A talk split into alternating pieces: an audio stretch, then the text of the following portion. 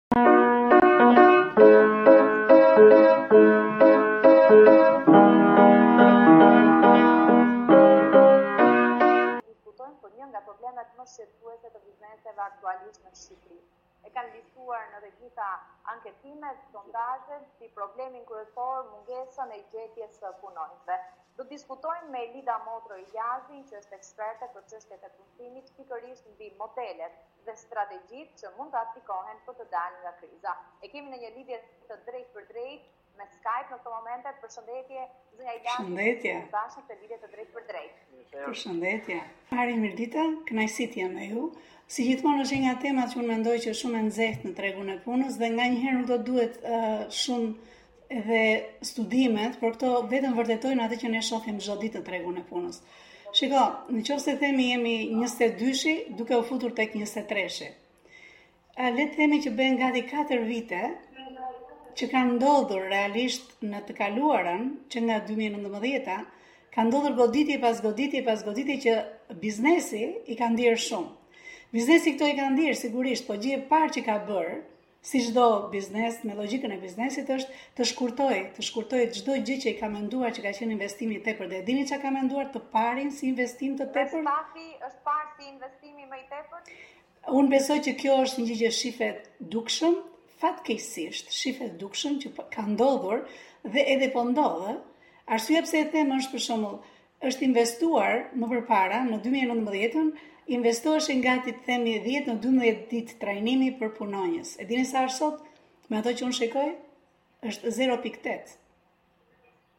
Që do të thotë... Ndërkohë edhe anketa e Këshillit të Investimeve konfirmoi se 55% e bizneseve e kompanive që operojnë në Shqipëri kanë bërë me dije se nuk kanë buxhet për të trajnuar punonjësit e tyre. Atëherë, ajo që ne po themi është që në konceptin e drejtuesit dhe unë do t'i drejtohem, do flas për atë target group me të cilët unë punoj, që janë drejtuesit që rëndom mund të quhen CEO, administrator, aksioner, borde, realisht ajo që jam duke thënë është janë pikërisht këta persona që ndërkohë vetë në veten e tyre investojnë për veten e tyre për zhvillimin e tyre kur vjen puna tek ata Për të kaluar tek stafi i lartë, ka dhe aty ca investime të vogla, pastaj kur kalon më poshtë nuk ka.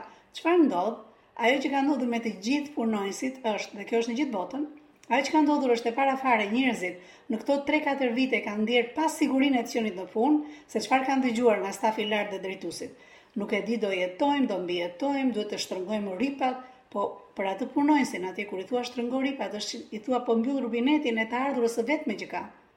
Ai nuk është pjesë e dividendit të këtyre personave, por ai e vuan po njësoj dhe kanë Edhe paniku ka dhënë ndihmën e vet? Edhe një herë lutem? Edhe paniku ka dhënë ndihmën e vet? Po ajo është një po, është se që si biznes dhe ashtu edhe qeveria i kanë dhënë krizave. Shiko, është e vërtetë, po të gjithë ne jetojmë në një botë në të cilën në qoftë se nuk ke disa siguri bazike, që bazika e parë është siguria e vendit të punës, Bazika e dytë i shikon rreth e rrotull dhe thua, "Ok, e kam sot." Po për nesër, a është dikush që po kujdeset për mua, po investon për mua? Dhe kjo është pika e parë që ne shikojmë. Dhe ajo që kuptojmë është që sa më i aftë të bëhet një punonjës, sa më gjatë të ketë punë, kohë pune me me dikë, aq më shumë kërkon të vlerësohet Për kontributin, ne nuk po vlerësojmë kontribuesit kryesor në kompani dhe në këto tre vite, për shkak të uh, unë mendoj janë gjitha të arsyetueshme dhe ka arsye pse, ha, se edhe po, biznesi po, ka një përkeqësim të situatës apo qytetarët punonjësit janë më të ndërgjegjësuar që duhet të kërkojnë edhe më shumë në vendin e punës së tyre. Uh, unë mendoj që kjo fillon nga drejtuesi, fillon nga koncepti se ç'kanë ata për biznesin e tyre, çfarë duan të zhvillojnë, sa të aftë janë të mbajnë stafet e tyre dhe të mbledhin më të mirët e tregut. Dhe po të vini re për shembull, është rritur numri i personave që marrin trajnime për shembull nga Vasil Naçi, nga Ermal Mamaqi, nga unë, na është rritur puna, por çfarë ndodh me këta? Sa e vënë në praktikë atë gjë që thuhet atje? që një nga çelësat e suksesit është investimi tek njerëzit dhe mbajtja e motivuar e tyre. Dhe sot për shembull nuk ka të bëjë më me një trajnim teknik si të bësh punën. Sot ka të thuash tjetrit çfarë kuptueshmëri ka puna, pse ky biznes është akoma në treg, çfarë vlere shtojmë ne. Dhe këto bëhen nëpërmjet një unë do të thosha një pakete coaching të vazhdueshme që njerëzit ta shikojnë që ti je një person i vlefshëm për këtë kompani. Ajo që unë mendoj gjithmonë është në, në fakt në Shqipëri është relativisht i lartë edhe numri i të papunëve, edhe pse ka një reduktim nga viti në vit, norma e papunësisë sërish është 11% E nga ana tjetër ne nuk gjejmë punonjës, pra të paktën kompani që nga biznesi fason, por edhe të tjera me radhë edhe ato përgjatë vijës bregdetare, gjatë verës, janë ankuar se nuk gjenin staf. Pra, me pak kualifikim në këto aktivitete mund të përshtatesh. Uh, unë mendoj po, por nga ana tjetër Dafina, le ta fillojë ta shikojë secili nga vetja vet. Në qoftë se unë punoj për dikë, Dhe ky personi, kur vjen puna për të këqijat, më thuhet që unë kam është kohë e vështirë, është krizë, um, nuk mundemi, do shtrëngohemi. Nga ana tjetër, kur vjen puna, bizneset janë janë duke operuar, pra janë në veprim, pra kanë fitim, ndryshe nuk do të ishin në veprim. Dhe këtë e shikon çdo punonjës. Pra nuk bëhet fjalë më për dhënien e bazikeve që u takon me ligj. Unë flas si njerëzit do t'u jepet e ardhme, ndërtohet e ardhme kur ti flet me ta dhe u thua me çfarë qëllimi është ky biznes në treg, çfarë vlere po sjell. E thënë më shkurt do thotë për mua si lider është, shiko, kur marrim të mirën e biznesit si drejtues, Bravo na qoftë ne. Po kur marrim të keqen, kur ne shikojmë që po po po bëhet situata e vështirë, atëherë do shtrëngojmë gjithë gjërat dhe çfarë këpusim të parat, investimin tek njerëzit. Atë gjënë që unë mendoj që është është është jetike, në qoftë se duam të mbajmë një staf të mirë, duhet të ulemi të bisedojmë me ta dhe të shikojmë çfarë duan të zhvillojnë. Çfarë është gjëja më e mirë që mund të na japin? Dhe pastaj mund të gjenden forma dhe për të mos pasur harxhe, sepse të punuarit në distancë apo të punuarit hibrid. Po penalizoni si shkaktar të situatës drejtuesit e korporatave. Uh, personalisht më vjen keq ta them, po fillon dhe mbaron atje. Jo sepse ata nuk duan apo janë njerëz të këqinj, jo, ata për mua janë po, pronë kombëtare. I kemi pasur më të mirë këto drejtues? Jo, ka ndryshuar situata Dafina. Nga 19-a e këtej kanë kanë ju është dashur të mbijetojmë nga dy tërmete, nga pandemia, nga lufta që janë rritur çmimet në mënyrë të tmerrshme. Pra, këta janë për mua pronë kombëtare që duhet i mbajmë dhe duhet i mbledhim. Në qoftë se unë mendoj që ka një gjë që qeveria duhet ta bëjë dje, për mua është mbledhja e trurit e atyre që hapin vende pune, dhe t'ju thuhet atyre që çfarë doni ju të bëni sepse këta pastaj do venë tek stafi i tyre i lartë dhe do thonë çfarë mund të bëjmë më mirë. Por duhet të kuptojmë që në këtë jemi të gjithë bashkë. Në qoftë se ne nuk investojmë tek njerëzit, si e shihni ju, çfarë strategjie, çfarë koordinimi mund të ketë mes sipërmarrjes private dhe institucioneve shtetërore të linjës që janë të dedikuara posaçërisht për çështje të punësimit. Shiko, unë e kam thënë edhe shumë herë të tjera dhe më duket sikur është një gjë që bie në vesh të shurdhët, po ne po e themi për hir të bisedës këtu. E para dhe e fundit për mua duhet të situata situata është përkeqësuar edhe më shumë dhe ndoshta do të ardhë momenti tashmë. Shiko, situata do përkeqësohet, mendoj unë derisa ne të fillojmë Më fal. Situata do të përkeqësohet për sa kohë ne nuk fillojmë të kuptojmë që këta drejtues e para një duhen mbajtur si ujët e pakët nga organet kompetente, të lartat. Duhet fillojnë të kuptojnë që këta nuk janë armiqtë tanë. Ata që prodhojnë dhe ata që mbajnë në këmbë ekonominë tonë, qoftë biznesi i vogël, qoftë biznesi i madh, qoftë ata që quhen të privilegjuar, këta janë personat që krijojnë vende pune. Këta duhen mbajtur mirë nga të gjithë ne, duhen trajtuar si pronë kombëtare dhe me këta, mendoj unë, qeveria, për mendimin tim duhet të marrë të dali në, në hapa konkretë, por në qoftë se do t'i drejtohesha një drejtuesi, për shembull se tash këto të tjerat mund bien në vesh të shurdhët, por në qoftë se do t'i drejtohesha një drejtuesi kompanie, urdhëro? Po. Konkretisht, unë do të thoja një drejtues kompanie, jemi fund viti, ajo që unë bëj tani në sesionet me drejtuesit, me pronarët, me bordet, siç thashë, që janë klienti im drejtpërdrejt, është ulemi dhe themi, për 2023-shin, ku duam të arrijmë, le të flasim vlera e para, dhe është vlerë financiare, secili do të ecë më lart. E dyta, njerëzit, me kë do ta bësh këtë gjënë.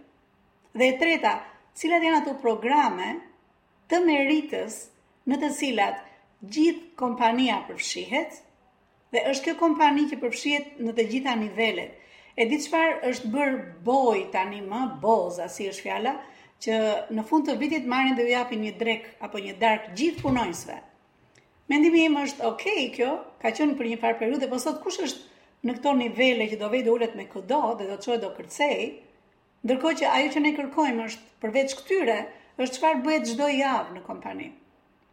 Disa drejtues shumë të mençur, që unë kam privilegjin të punoj me ta dhe për ta, është që sot kanë futur nëpër nëpër kompani, kanë futur edhe ping-pongun, kanë futur edhe uh, lojën e e futbollit me ushtarët prej druri. Kanë vënë kanë vënë pistat e vrapimit. Dhe e dini pse? Sepse punonjësit e tyre fillojnë të kuptojnë që në qoftë se unë do vete një 10 minutësh atje, kur do kthehem, jam më mirë nga ana mendore, më ka ikur një negativitet që kam nga një punë që po bëj, po nga ana tjetër kanë kuptuar trajtimi edhe në rritje të produktivitetit të punës, në Shqipëri edhe gjitha të dhënat, ne të rezultojmë se kemi një nivel shumë të ulët të produktivitetit krahasimisht me vendet e rajonit, por edhe të Europës shumë edhe më shumë lart. Jam me ty. Në në kompanitë më të mira që unë shkoj në testet e para që unë bëj nuk i gjej më shumë se 60% në produktivitet. Dhe flas gjithmonë më të mirët, ë. Domethënë, ajo që po thoshja pak përpara, nuk është se do të vetëm punonjësi do, do shkarkojë energji negative dhe do vejë do punojë më shumë, por fillon të kuptojë që ky pronari ka futur dorën në xhep dhe ka investuar për ne.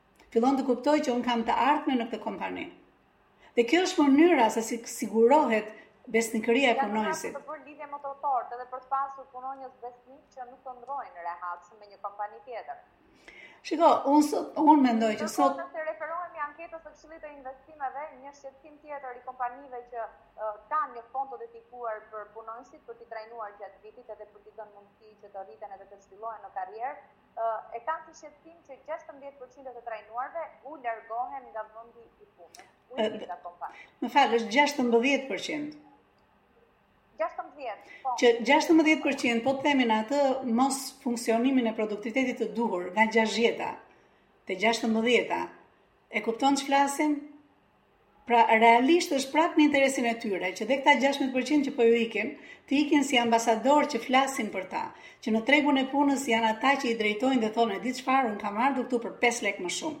Sepse është treg, ë? Patjetër që do vete diku që më jepin lekë më shumë, ama ajo që bëhej në atë kompaninë atje ishte kjo, kjo, kjo. A nuk duam këtë, a nuk do këtë biznesi? që të kthehen në punëdhënësit më të zgjedhur në tregun e punës, edhe ky 16% që është larguar. Po mos jetë shqetësim, mos jetë më një shqetësim për kompaninë. Unë unë mendoj që nuk është shqetësim në në jetëgjatësi, ajo kthehet në një nga avantazhet më konkurruese në tregun e punës. Është ajo që blen dhe mban realisht ata kontributorët më të mirë apo talentet që vijnë bashkë me ekspertizën nga tregu i punës. Kompanitë e Gjinedia dhe në vendin tonë, e kanë kapacitetin e duhur për të bërë këto trajnime, për të mbajtur afër punonjësit, dhe kjo vjen për shkak mungesës të njohurive, apo realisht nuk i kushtojnë vëmendjen e duhur dhe rëndësinë e duhur për një rëndësinë e duhur. Unë do të thoshja... Pra mos ka nevojë për trajnim vetë drejtuesit. Shumë e vërtetë. Edhe unë besoj që kjo është ajo, tamam siç e kapët, që realisht duhet një ndryshim së pari i mendësisë së drejtuesit dhe këtu flasim për ata drejtues që a, tashmë kanë krijuar një bazë të mirë ekonomike të tyre, por mendojnë që çdo punonjës i zoti te këta në qofë se do të marri baziket dhe me këto bazike është që mund të vijë të bëjë një punë të shkëlqyer. Kam idenë që këtu ka një përplasje të madhe. Pra ne mund të marrim dikë që i themi, ok, me 2-3 trejnime ti do vish do punosh gjithë verën për mua. Realisht, në qoftë se ti do vish vetëm për verën, apo do vesh në një fasoneri dhe do punosh aty do bësh baziken, dhe ti nuk shikon që gjithë pjesa tjetër e punës nuk është e mbushur me diçka që ty të mbush, kuptoni që këta persona, siç thashë, për 5 lekë do vetë ka ai tjetri, ose do t'i futet rrugëve të rrezikshme sot për të vajtur në një vend tjetër në cilin mendojnë që do vlerësohen si njerëz.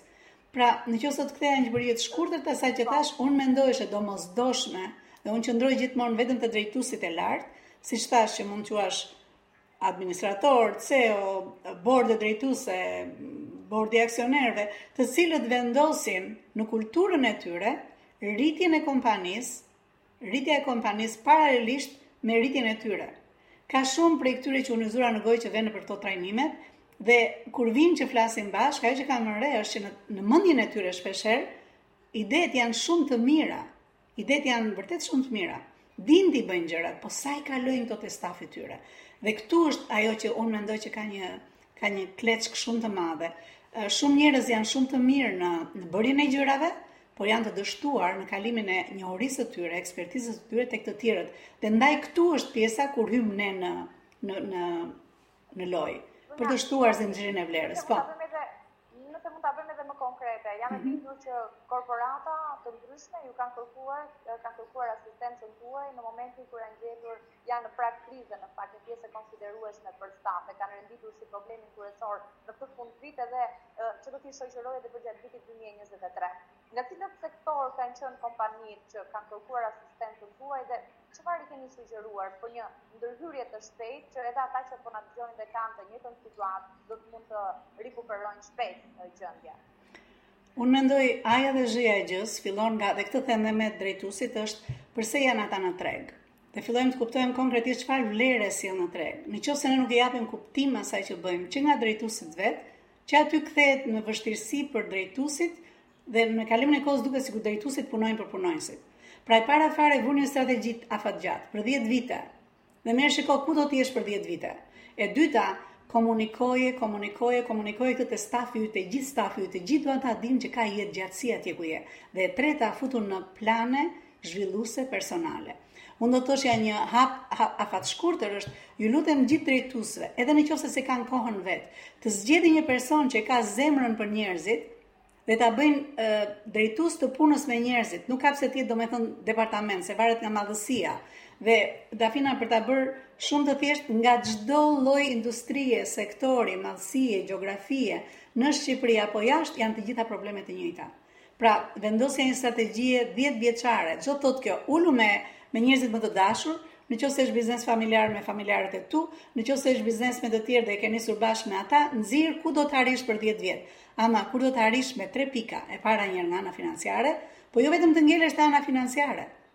E dyta tek njerëzit, çfarë do të bësh me njerëzit, çfarë marke do të krijosh me njerëzit. Mbani mend në fillim markën që krijoi uh, Tani Topi, Kushdo që ka punuar atëherë me Tanin ka ecur shumë sepse ishte një mark, një markë që iu vu punonjësit për shkak të kompanisë, se kompania punonte shumë me njerëzit. Dhe e treta në marketing. Pra, nëse në këto të tre fushat që është financë, njerëz, marketing, ti vendos uh, objektiva për 10 vitet e ardhshme, në janar, sapo, sapo ti fillon, jepi mundësitë, krijo, ndërto një person që të merret me këtë gjënë dita me ditë, që këtë gjë ta komunikojë te stafi në mënyrën e duhur dhe zakonisht duhet zgjedhur një njeri që është i aftë të coach njerëzit, t'i stërvisë dita me ditë. Dhe unë mendoja që me këto tre hapa, këto janë gjërat e para që ne bëjmë që në sesionin e parë.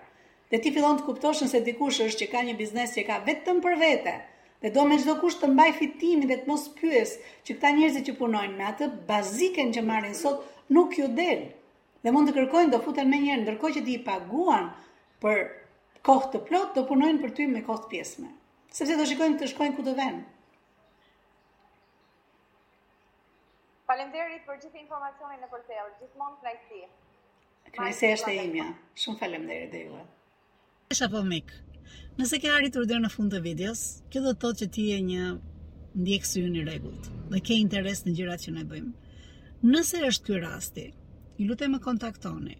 ne mund të futemi shumë mirë në një nga programet e mia dhe të marrim të shikojmë çfarë është gjëja që të të bën më shumë mirë ty në momentin që ti je në kryqëzimin e karrierës ku ti je në ecjen që ti ke bërë dhe jam e bindur, jam e bindur që ti mund t'i bashkohesh një armate të madhe njerëzish të suksesshëm me të cilët ne punojmë prej të cilëve ne në mënyrë të vazhdueshme secili nga ne mëson, por jo vetëm kaq.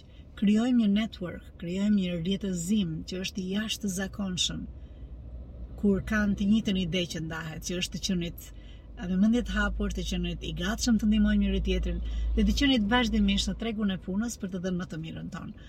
Nëse është kjo që të ka sjellë te podcasti im, të lutem më shkruaj, të lutem është shumë e kollaj të më gjesh, ndofta në Facebook, me Elida Motro, ndofta në Instagram që është Emi Coaching and Consulting e gjeni kollaj fare ose edhe në YouTube.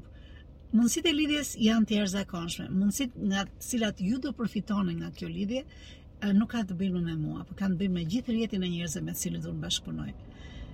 Uroj t'ju shoh nga brenda programeve të Emi CC.